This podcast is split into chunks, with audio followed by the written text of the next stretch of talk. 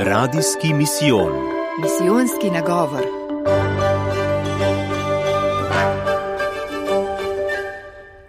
Naslov današnjega razmišljanja je, kako naj oznanjem veselje, ko pa je toliko škandalov. V naslovu torej povem, da bi rad kaj veselega povedal svetu, rad bi podal veselo oznanilo o Bogu, zato sem tu, to je moja naloga, hočem širiti veselje. Istočasno pa vidim veliko temno gmoto pred seboj. Rad bi povedal nekaj veselega o Bogu, pa ne morem, ker ta temna gmota duši moj krščanski glas. Zdi se mi, da če tudi bi zelo na glas izrazil veselje, bi se zaradi tolike teme in zmede ta glas ne slišal. Kaj je ta dušeča stvar, to temno razpoloženje? To je greh, to je pohujšanje, škandal. Pa ne pohujšanje iz obrobja sveta, temveč pohujšanje iz srca cerkve. Pa ne pohujšanje, ki nam ga umetno vseljujejo zunanji mediji ali vedno isti sovražniki cerkve, temveč pohujšanje, ki je resnično in zaradi katerega je papež pred dvema mesecema sklical poseben posvet s predsedniki škofovskih konferenc.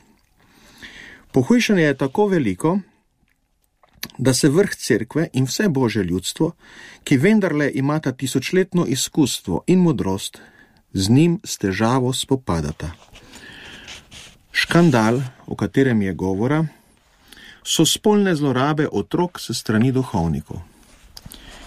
In ko da že to ni dovolj grozno, se v zadnjem času pojavljajo še informacije o prav tako se strani duhovnikov spolno zlorabljenih redovnicah. Pozor, govorimo o duhovnikih, ki so v sjaju svoje liturgične službe nič manj kot alter Kristus, drugi Kristus. O duhovnikih, katerih imenitni znak posvečenosti je celibat. Beseda škandal prihaja iz grške besede skandalon, kar pomeni past, spotika, tudi zalezovanje, zaseda. Škandal je torej nekaj, kar te ustavi na poti, nekaj, kar ti preprečuje, da bi šel naprej. Škandal je ovira, ki ti jo je na pot postavil nekdo drug, za njo ti osebno nisi kriv. Ima pa ta ovira vseeno moč, da te ustavi. Povedano drugače, škandal, če tudi nimaš krivde zanj, ti lahko zelo škodi na tvoji duhovni poti. Zaradi škandala lahko obstaneš v duhovni rasti, lahko zaideš z prave poti, lahko celo izgubiš vero. Skratka, škandal je za našo vero bolj nevaren, kot mislimo. Zlasti seveda tisti škandal, ki je porojen v osrčju cerkve zaradi grešnosti duhovnikov. Zato je prav, da se v okviru radijskega misijona soočimo s škandalom na najbolj radikalen način, ki je tudi najbolj pravilen način. To je, da škandal spremenimo v priložnost za dobro. Se pravi, da škandal z molitvijo in pokoro odpravimo, ter da spet veselo zaživimo svojo vero. Razmišljali bomo po korakih. Kot prvo, najprej se bomo soočili z najbolj temno platjo škandala duhovniških zlorab, zlorab ki je nekaj demonskega. Kot drugo, obudili bomo preroški pogum, ki ga je v zadnjih letih vsekakor bilo premalo. Kot tretje, opozorili bomo na farizejsko skušnjavo in na vzdušje lova na čarovnice, ki namesto, da bi jo ozdravilo, lahko crkav dodatno poškoduje. Kot četrto, zavezali se bomo za očiščanje in ohranitev celibata ter za boj zoper duha nečistosti, saj so se duhovniške zlorabe zgodile v širšem okolju spolne razpoščenosti. Kot peto, spomnili se bomo zmagovitega upanja, saj po vsakem dežju posije sonce. Kot šesto, spomnili se bomo božjega ljudstva, ki je izvoljeno in sveto ljudstvo, kljub grešnosti svojih članov. Kot sedmo, zavezali se bomo k molitvi, prvemu izmed sredstev ozdravljenja. In kot osmo, na koncu bomo spodbudili k veselemu oznanjevanju, ter tudi povedali, kakšne vrste oznanjevanje ima vedno uspeh, tudi v časih, ko je toliko škandalov. Radijski misijon. Misijonski nagovor.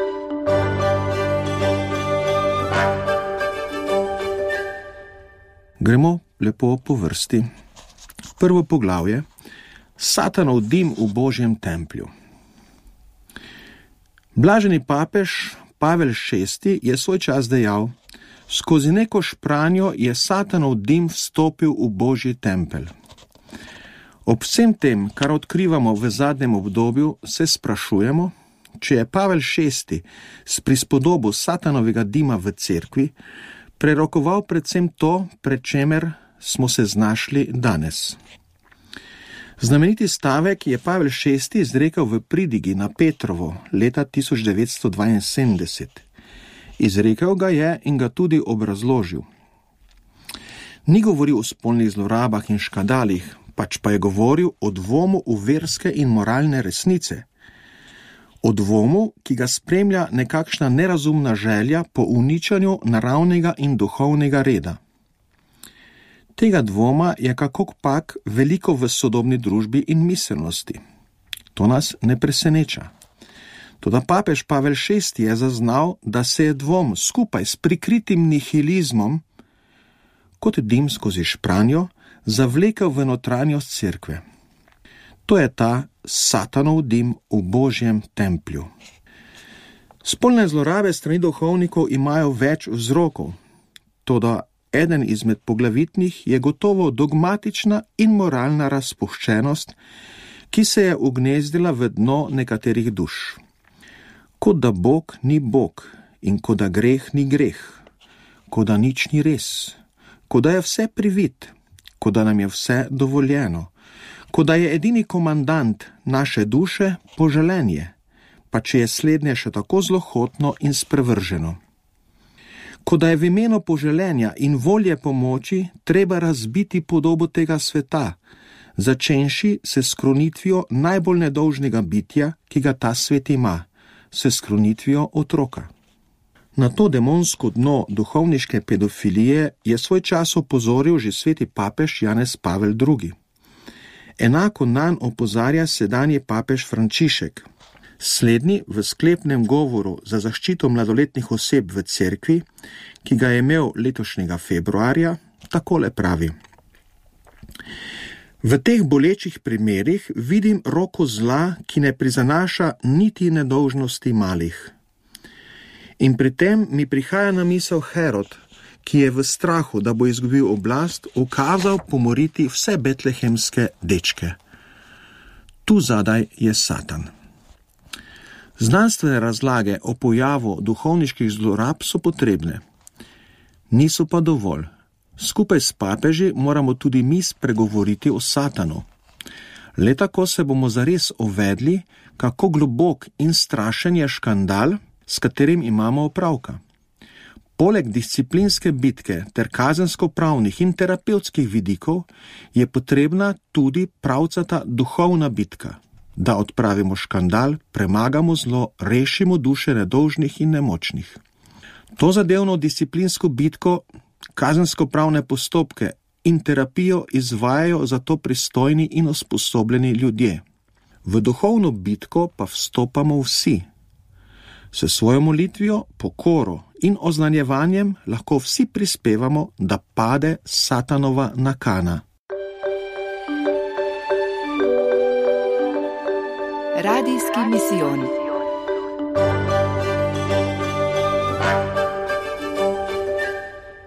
Drugo poglavje: Preroški pogum. Zdaj je ura za preroški pogum. To je tisti pogum, ki so ga imeli starozavezni preroki v odnosu do malikovalskega ljudstva, Janez Krstnik v odnosu do Heroda in Jezus v odnosu do dvoličnih duhovnih elit njegovega časa, pa tudi apostol Pavel v odnosu do zmot v prvi cerkvi. Preroški pogum bo zagotovil, da ne bomo bežali od trde stvarnosti. To je pogum priznati si resnico in jo povedati na glas. Po domače, treba je reči Bobu Bob. Kako se nam je lahko kaj takega zgodilo? Kako so nekateri duhovniki lahko tako zelo zašli? Odgovori na to vprašanje še niso vsi dani. V prihodnjem času bomo vedeli več. Za zdaj bodimo pripravljeni, da jih slišimo in da se z njimi soočimo.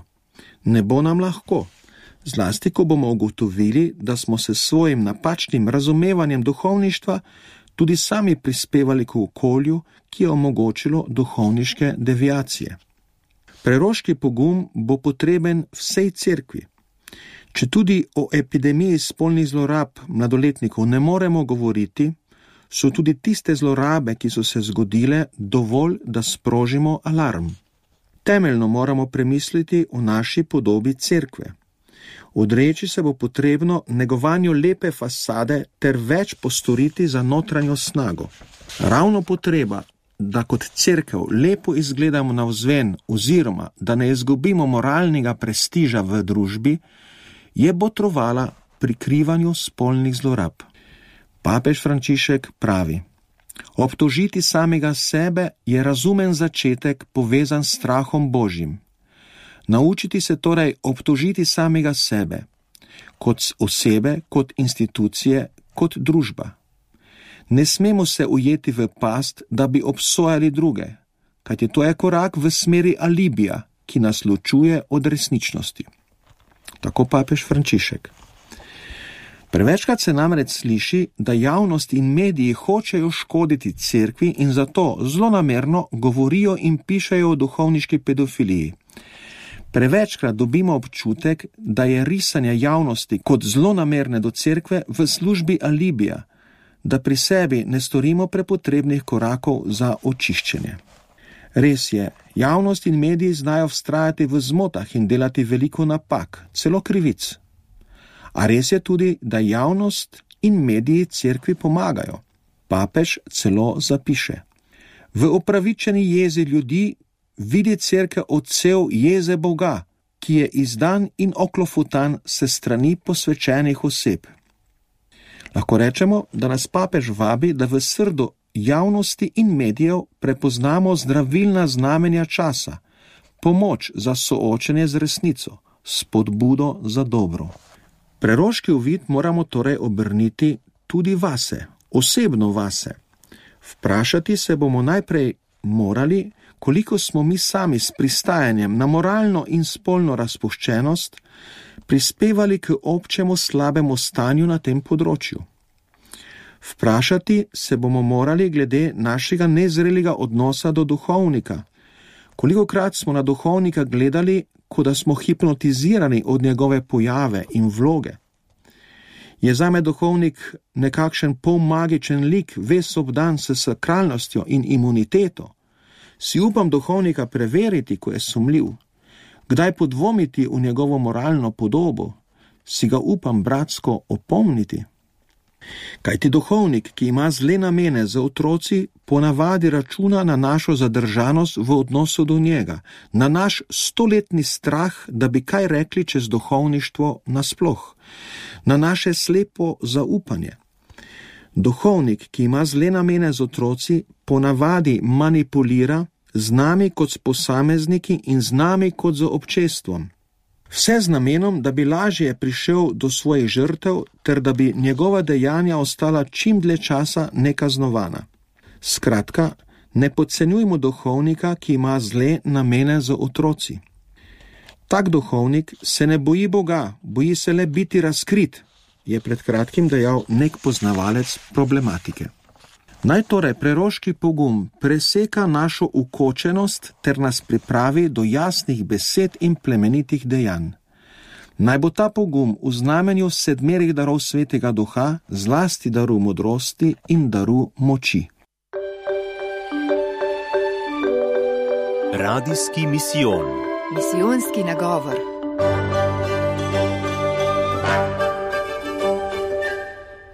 Tretje poglavje ne farizejstvo in ne novim krivicam v imenu pravice. Preroški pogum imenovati stvari s pravim imenom ter sprožiti konkretne korake k očiščanju pa nas ne sme voditi v zaletavost, v jurišno stihijo, v razbijanje oreha z macolo. Ne na zadnje je v tem času na preizkušnji tudi edinost cerkve. Vsaka taka situacija je namreč priložnost, da se razdelimo v frakcije in stranke, v interesne skupine in lobije. Razdeljenost cerkve ne bo pripomogla k njenemu ozdravljanju. Duhovnik, ki ima zle namene z otroci, bo to razdeljenost izkoristil sebi v prid. Resnično moramo prositi duha za dar modrosti. Kajti po eni strani ne bo šlo brez dramatičnih potez, brez ostrih besed, brez spopada različnih pogledov in pristopov. Po drugi strani moramo varovati edinost cerkve. Varovati se moramo trojega: farizejskega napuha, stihijskega lova na čarovnice, nezavednega mehanizma grešnega kozla. Ne farizejskemu napuhu. Farizejski napuh je tista drža, ko nekdo malo da ne potrebuje in išče čim več slabih in grešnih ljudi okrog sebe, samo da bi on zablastel kot najbolj pravičen in najbolj svet. Tudi v primeru razkrivanja pedofilskih škandalov se v nas lahko zasidra pravičniški občutek, češ, kako neskončno boljši smo od onih, ki zlorabljajo otroke. To je po svoje normalno, po svoje je prav, da se veselimo lastne pravičnosti. Toda hitro je tu naslednji korak. Ta je, češ, prav mi lahko izrekamo sodbe o hudih grešnikih in potihoma še zadnji korak, češ, saj ni potrebno božjih sodb, ko smo prav mi dovolj sveti, da lahko sodimo druge. In že smo se postavili na mesto Boga. Sveti Augustin uči, da napuh angele spremeni v demone. Aforist Žarko Petan pa je bistrumno zapisal, da je nadutost prva ovira do uspeha. Z drugimi besedami, lahko imamo dobre namene in se trudimo biti pravični, a ker smo naduti, se bo vse naše delovanje spridilo. Še več, namesto da bi cerkvi koristilo, je bo škodilo. Kdor se torej z veliko vnemo ukvarja z velikimi grešniki, naj se s še večjo vnemo uri v ponižnosti. Ne lovu na čarovnice. Izraz lov na čarovnice nam prikliče tiste čase izpred 300 let, ko je bilo dovolj, da je na robu vasi živela kakšna samska ženska, po možnosti z rdečimi lasmi, po možnosti s kakšno psihološko ali vedensko težavo, in že se je med ljudstvom sprožilo sumničenje o njenem čarovništvu. V narekovajih, seveda, čarovništvo. In že se je sprožila obtožba: Glejte, čarovnica je. In že se je sprožil pregon in proces zoper to žensko. Če je to vrstno sumničenje spodbujala sodna in cerkvena oblast, je bila stihija toliko večja. Vemo, Več tisoč nedolžnih žensk in tudi moških je zaradi takšne protičarovniške stihije šlo v smrt. Na slovenskem v dveh stoletjih nekaj sto. Podobno se nam more primeriti v teh dneh, ko v, družbo, v družbi vlogo rdeče lasih čarovnic dobivajo, kot kdo reče, duhovniki, ki so vsi isti. Na slovenskem imamo določene mnenjske voditelje in antiklerikalne politične tokove, ki v primeru duhovniških zlorab usmerjajo javno mnenje v smeri stihije oziroma lova na čarovnice. Radi bi ustvarili vzdušje, ko je potrebno zalezovati duhovnike, jih nadzirati in ovajati, jih kolektivno kriviti. Takšna drža lahko privede do težko popravljive škode v družbi in v cerkvi. Zelo lahko prizadene to, čemu pravimo pravna država. Ni potrebno poudarjati, da vzdušju lova na čarovnice hitro pride do krivih obtožb in ovadb. Duhovnike, ki zlorabljajo otroke, moramo razkrinkati in kaznovati. Ne smemo pa v imenu spostavljanja ene pravice ustvariti dveh ali treh novih krivic. Ne mehanizmu grešnega kozla. Zakaj ne? Zato, ker je v naši družbi veliko greha, ki ga niso zakrivili duhovniki. Takšnih in drugačnih spolnih napadov na mladoletne zna biti v Sloveniji po policijskih statistikah več kot 100 na leto. Med nami poteka trgovina z ljudmi, tudi z namenom mladoletne prostitucije. So slovenci, ki hodijo na seksualni turizem v eksotične dežele. Ne vemo, koliko tega turizma je pedofilske narave. Skratka, zla, povezanega s spolno zlorabo otrok, je ogromno. Če bomo pristali, da so duhovniki grešni kozli za vse grehe ljudstva, ne bomo rešili naših problemov in ne bomo zaščitili mladoletnih, ki so žrtve po družinah, v soseščinah, v institucijah, v bordelih. Ne dopustiti, da duhovščina tepena tudi za 99 odstotkov grehov, ki jih ni storila, tudi to je preroški pogum. Radijski misijon. Misijonski nagovor.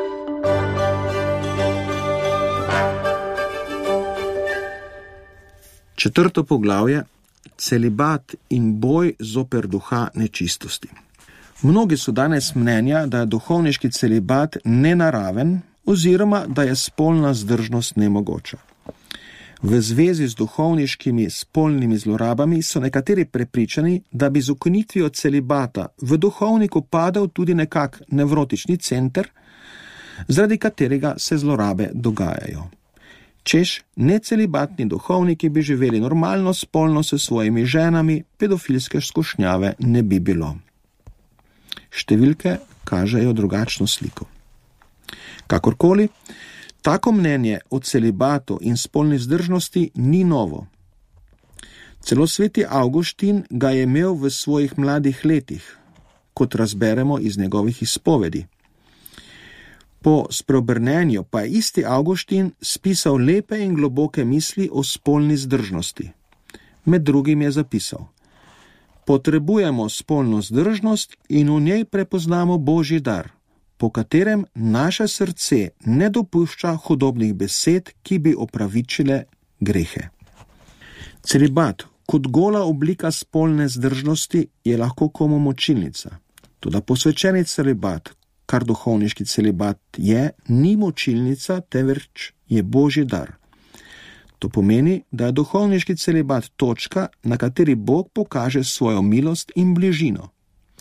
Če bomo podlegli glasovom sveta, češ, da je duhovniški celibat krivec za spolne zlorabe, se bomo vedli kot neverniki, ki ne priznavajo božjega delovanja v človeški duši. Kajti pri celibatu je v igri več kot zgolj spolna zdržnost, več kot nekakšna aseksualna atletika. V igri je vera v božjo milost. Je pa pri celibatu vendarle treba paziti. Ni vsak, ki se mu zahoče duhovniškega celibata, poklican van in zrel zanj. Že Pavel VI je leta 1967 v okrožnici v duhovniškem celibatu opozoril: Življenje, ki je tako popolnoma in delikatno angažirano, kot je to duhovniški celibat, izključuje nezadostno fizično, psihično in moralno uravnovešene osebe. Prav tako se ne sme domišljati, da bo milost v tem dopolnila naravo. Skratka, celibat ni za vsakega, posebno pa ne za tistega, ki bi v celibatu iskal zatočišče pred svetom, odgovor za svojo psihično krizo, strah pred ženskijo, žensko in ustanovitvijo družine, odgovor na svoje homoseksualno nagnjenje. Včasih je slišati mnenje, da je res čuden in nezrel za celibat, a saj ga bo milost Božja urihtala. Ker ni duhovniških poklicev, namreč začnemo nekoliko popuščati pri zahtevah za duhovniške kandidate. Toda, če je v zvezi s celibatom naše zaupanje v božjo milost drzno in manipulativno, smo tlakovali pot prihodnji duhovniški nesreči, morda tudi škandalu. Gonja proti celibatu, ki jo zasledimo v posvetnih okoljih, pa tudi med nekaterimi verojočimi, lahko ima nek prikrit namen, ki se ga kritiki celibata morda niti ne zavedajo. Kaj ti krizi je kaj več kot le celibat, v krizi je obča spolna morala. Čas je, da se vsa družba vpraša, kaj je zares prinesla in povzročila spolna revolucija. Spomnimo samo, da se je otroška pornografija še do sredine 80-ih v kakšni evropski deželi legalno prodajala v kioskih. Spomnimo, da so še v sredini 80-ih v Evropi obstajale leve politične frakcije, ki so hotele legalizirati pedofilijo. Spomnimo, da spolna revolucija pomeni tudi neverjeten razcvet pornografije v zadnjega pol stoletja, pa prostitucijo, pa trgovino z ljudmi, pa množico razpadlih družin, pa kulturo smrti in splava. Pred nami ni zgolj bitka za odpravo spolnih zlorab v duhovniških vrstah. Pred nami je velika bitka zoper duhane čistosti, ki se zdi, da je zapopadel vso zahodno civilizacijo. To je duhovna bitka, v katero smo poklicani vsi in bojišče le delno poteka na ulicah, ko imamo kakšno manifestacijo, ali v parlamentih, ko se bojujemo za kakšno ozakonitev dobrega namena, dobrih stvari. Bojišče zoper duha nečistosti prvenstveno poteka po sredini naših duš. Peto poglavje: Da upanju. Sprašujemo se o obnovitvi veselja kljub škandalom, zato povejmo, da je osnova za veselje teologalna krepost upanja. Upanje je notranji motor, ki nas žene naprej in ki ne dopusti, da bi se ujeli v zanko sprotnih žalosti. Francoski mislec in pesnik Charles Peggy je v zvezi s tem zapisal: Bog pravi, vera, ki jo imam najrajši, je upanje. Nekaterim je vera zatočišče, drugim mistični vzgib, tretjim je vera povod za aktivizem, vse to je na mestu. Toda po Pegiju je Bogu najbolj všeč tista vera, ki je polna upanja. Je možno upati na sonce, ko se zdi, da so povsod razvlečeni nevihtni oblaki? Je možno upati na ozdravljenje crkvenega občestva, potem ko smo razkrili zločine nekaterih duhovnikov zoper mladoletne? Če rečemo, da ni možno upati na sonce oziroma na ozdravitev, nismo resnično verni, nismo Kristusovi. Poglejmo konkreten primer, kako deluje upanje. Bostonska škofija je na prelomu tisočletja doživela verjetno najhujši udarec v svoji zgodovini. Policija je razkrila številne duhovnike pedofile ter dolgoletno spolno zlorabljene otrok znotraj crkvenih inštitucij. Pozor, tu ni šlo za zdrs zdaj tega, zdaj onega duhovnika v spolni zločin. Tu je šlo malo da ne za nekakšno mrežo, ki je štela 70 članov. Pozor, ta mreža je mogla delovati tudi, ker je crkvena oblast prikrivala zločine duhovnikov. Kazni so bile mile, ponavadi le premestitev v drugo župnijo. Vse v imenu ugleda sakralne institucije. Papež Janez Pavel II je na veliki četrtek leta 2002 v pismo duhovnikom v zvezi z bostonskim škandalom spregovoril o duhovnikih, citiram papeža, ki so izdali pri posvečenju prijeto milost, ko so padli v najhujše oblike skrivnosti zla, ki deluje v svetu. Pomnimo, da izrast skrivnost zla, misterium iniquitatis, uporabljamo tudi za označevanje satanovega delovanja. No, kaj se je zgodilo z bostonsko škofijo potem? Po pravilih sociologije, socialne psihologije in politike, pa tudi ekonomije, saj so sledile milijonske očkodninske tožbe, bi načkofija morala zapreti duri. Bostonska načkofija bi se po logiki tega sveta morala sesuti sama vase. Slabih 15 let po tistih dogodkih pa je slika v Bostonu naslednja. Ljudje hodijo normalno k sveti Maši, župnije živijo. Bostonsko semenišče, poslušajte dobro, Bostonsko semenišče je dokaj polno bogoslovcev. Bostonski načkov je od leta 2003 kapucin Shin Patrick O'Malley. Njegov ugled je tolikšen, da so ga na zadnjem konklavu mediji šteli med možne bodoče papeže. Imamo premalo novic, da bi natančno poizvedeli, kako je potekalo bostonsko okrevanje po škandalu. Vemo pa, da je ena izmed temeljnih postavk bila načkofov neusmiljen protokol ničelne tolerance do spolnih prestopnikov med klerom. To je bil njegov in njegove ekipe preroški pogum. Boston je pokazal, da je moč okrevati po hudem škandalu. Upanje ne umre ne omre pa zato, ker se crkva le delno da primerjati s posvetnimi ustanovami. Cerkev je zakladnica upanja, ki je velikonočno, stajensko Kristusovo. Cerkev nenehno vstaja od mrtvih.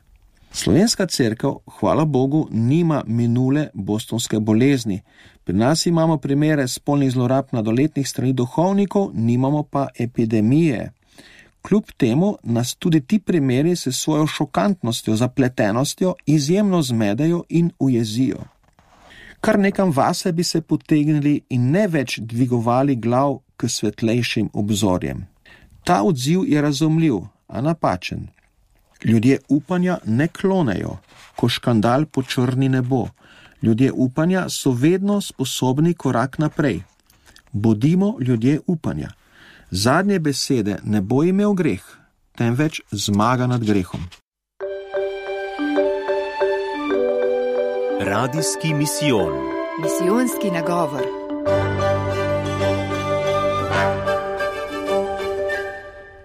Šesto poglavje: Vidna, nevidna moč božjega ljudstva. Bostonski primer okrevanja po škandalu je pokazal na še eno veliko dejstvo, na katerega v svojih razmišljanjih in komentarjih včasih kar pozabimo. To pozitivno dejstvo, ta rešilna danost, je moč božjega ljudstva. Bostonski kardinal Omeli je ob neki priložnosti dejal: Reforma cerkve brez lajkov ni mogoča. To je dejal, ker je okusil, koliko moči so zmogli lajki, potem ko se je bo bostonska škofijska vrhna struktura moralno in finančno podrla. Tudi programski dokument Slovenske cerkve, pridite in pogledajte, iz leta 2012 opozarja na, kot piše, najpomembnejšo silo, ki vedno deluje in veže celotno cerkveno zgradbo. Ta je skrita vsakdanja molitev mnogih mož in žena, njihovo trdno zaupanje v Boga ter njihova zvesta medsebojna ljubezen. Živo jedro cerkve na slovenskem sestavljajo Kristusu predana srca preprostih ljudi.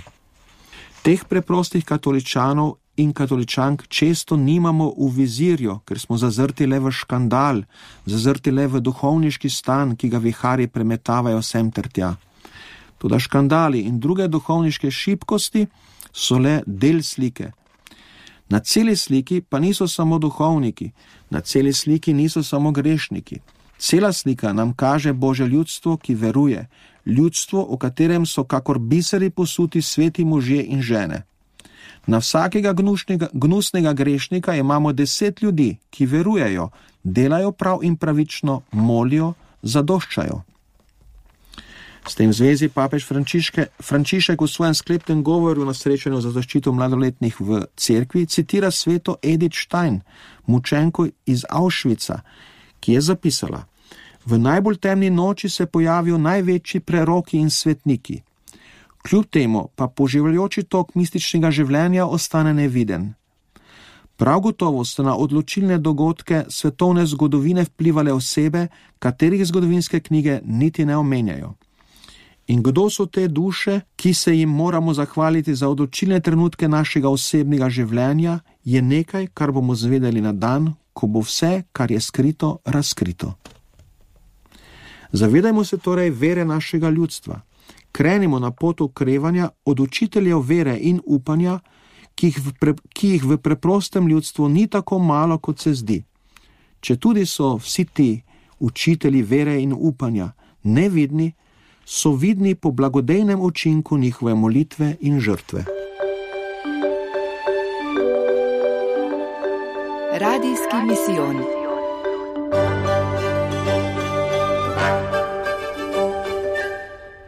Sedmo poglavje. Naš odgovor: molitev in pokora. Temna gmota je velika in gosta, drži. Škandal, ki je ovira, prepreka, sovražna zaseda na naši poti, ni majhen. Drži pa tudi, da Jezusova zapoved, da ponesemo veselo oznanilo do konca sveta, ni preklicana. Kako naj oznanjem veselje, ko pa toliko škandalov? To je vprašanje, ki nas muči vprašanje, v katerem je zaznati tako skušnjavo malodušja, kot željo po novem zagonu. Naš prvi odgovor na škandal bodi vztrajanje v molitvi in osvežena volja po oznanjevanju. Pravzaprav bosta ravno naša molitev in oznanjevanje ozdravila crkv teh hudih ran. Prva molitev nam bodi molitev za očiščenje in spravo. Ta molitev bodi tudi eksorcizem, izgon satanovega dima iz božje hiše potem spokornost, če tudi nismo sodelovali pri takih grehih, če tudi ne poznamo nobenega duhovnika, ki je take grehe delal, naj bo naša molitev spokorna. Vsak izmed nas naj si reče: Prišel je dan, ko se jaz, moje občestvo in vsa crkva moramo okopati v sozni kolpeli. V času preizkušenj in škandalov je za vsakega izmed nas napočil čas psalma 50. V njem prosimo za odpuščanje grehov, ko pravimo: Usmili se me Bog po svoji milosrčnosti, v svojem velikem usmiljenju zbriši mojo pregreho, popolnoma izmi mojo krivdo, mojega greha me očisti. V psalmu 50 ne bežimo pred odgovornostjo za greh, soočamo se z grehom in ga priznavamo. Svojo pregreho priznavam, moj greh mi je živo v spominu, grešil sem zoper tebe samega, kar je zlo v tvojih očeh sem storil. Obenem pa v istem psalmu 50 prosimo za veselje, ko molimo takole: Odpusti mi grehe, da bom očiščen, bolj kot sneg bom bel, ko me umiješ, naj spet občutim radost in veselje, moje potrto srce naj se zraduje. Osmo poglavje, zadnje in metoda oznanjevanja.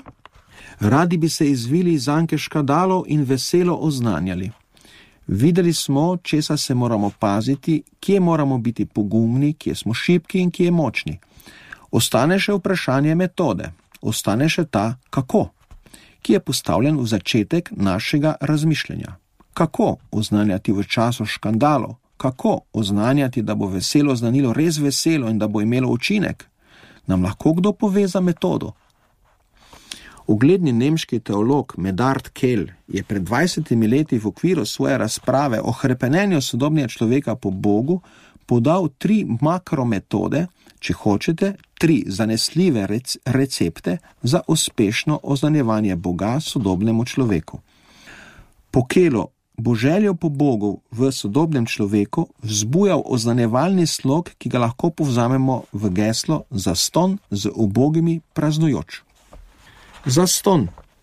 Najprej za stonskost našega oznanila in dela. Sodobni človek bo kljub škandalom bolj verjel nam in naši cerkvi, če bomo oznanjevali in delali brez prikritih namenov, brez računice, brez želje po obladovanju ljudi, brez hlastanja po dobičku, brez šopirjenja s številkami, popolnoma gratis. Sodobni človek nas ravno zaradi škandalov in naše minule politike prikrivanja zločinskih duhovnikov toliko bolj sumi, da z oznanjevanjem nimamo čistih namenov. V zameno poudarimo in pokažemo, da oznanjamo evangelij iz spoštovanja do njega, do človeka in iz ljubezni do njega, človeka. To je to. Nobenih sprednjih ciljev ne zasledujemo, ničesar ne pričakujemo v zameno. V Bogi. Nadalje z našim oznanilom ne bomo zgrešili cilja, če bo naša crkva uboga in za uboge. Sodobni človek bo verjel cerkvi, če jo bo čutil ob sebi, ko mu bo najtežje. Sporočilo božjega sočutja vstopi v vsakega človeka in omehča najbolj trda srca. Papež Frančišek v spodbudi veselja Evangelija oči, danes in vedno velja, ubogi so prvi naslovljenci Evangelija. Brezplačno ozanevanje Evangelija o Bogim je znamenje Božjega kraljestva, ki ga je prenesel Jezus. Naravnost je treba povedati, da obstaja neločljiva povezanost med našo vero in obogimi. Obogih nikdar ne pustimo samih, tako papež Frančišek v veselju Evangelija. Ta zadnji sklik je v okolju greha in pohujšanja, o katerem premišljujemo, potrebno prevesti. Se strani duhovnikov zlorabljenih žrtev nikoli ne pustimo samih. Te so v dani situaciji naši prvi ubogi, resničnost veselega oznanila se bo preverjala, kako jim bomo pomagali in kako jih bomo v bodoče ščitili. Še enkrat, se strani duhovnikov zlorabljenih žrtev nikoli ne pustimo samih. Praznovanje. Tretji nasvet Medarda Kela o tem, kako učinkovito oznanjevati sodobnemu človeku, je nasvet o praznovanju.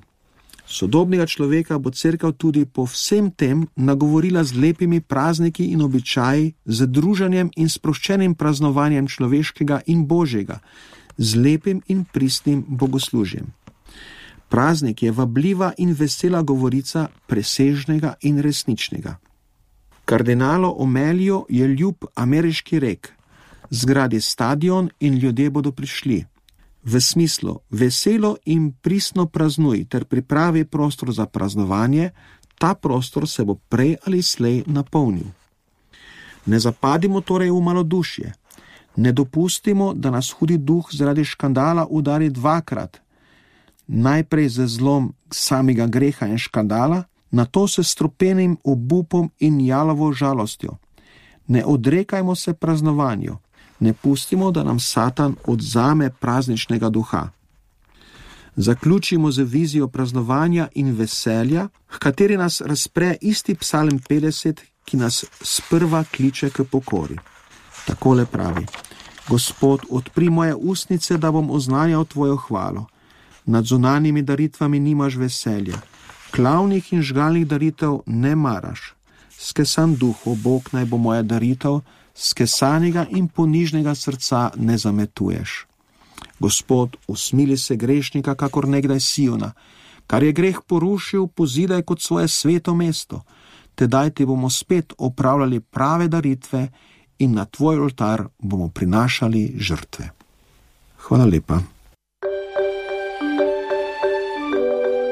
Radijski misijon.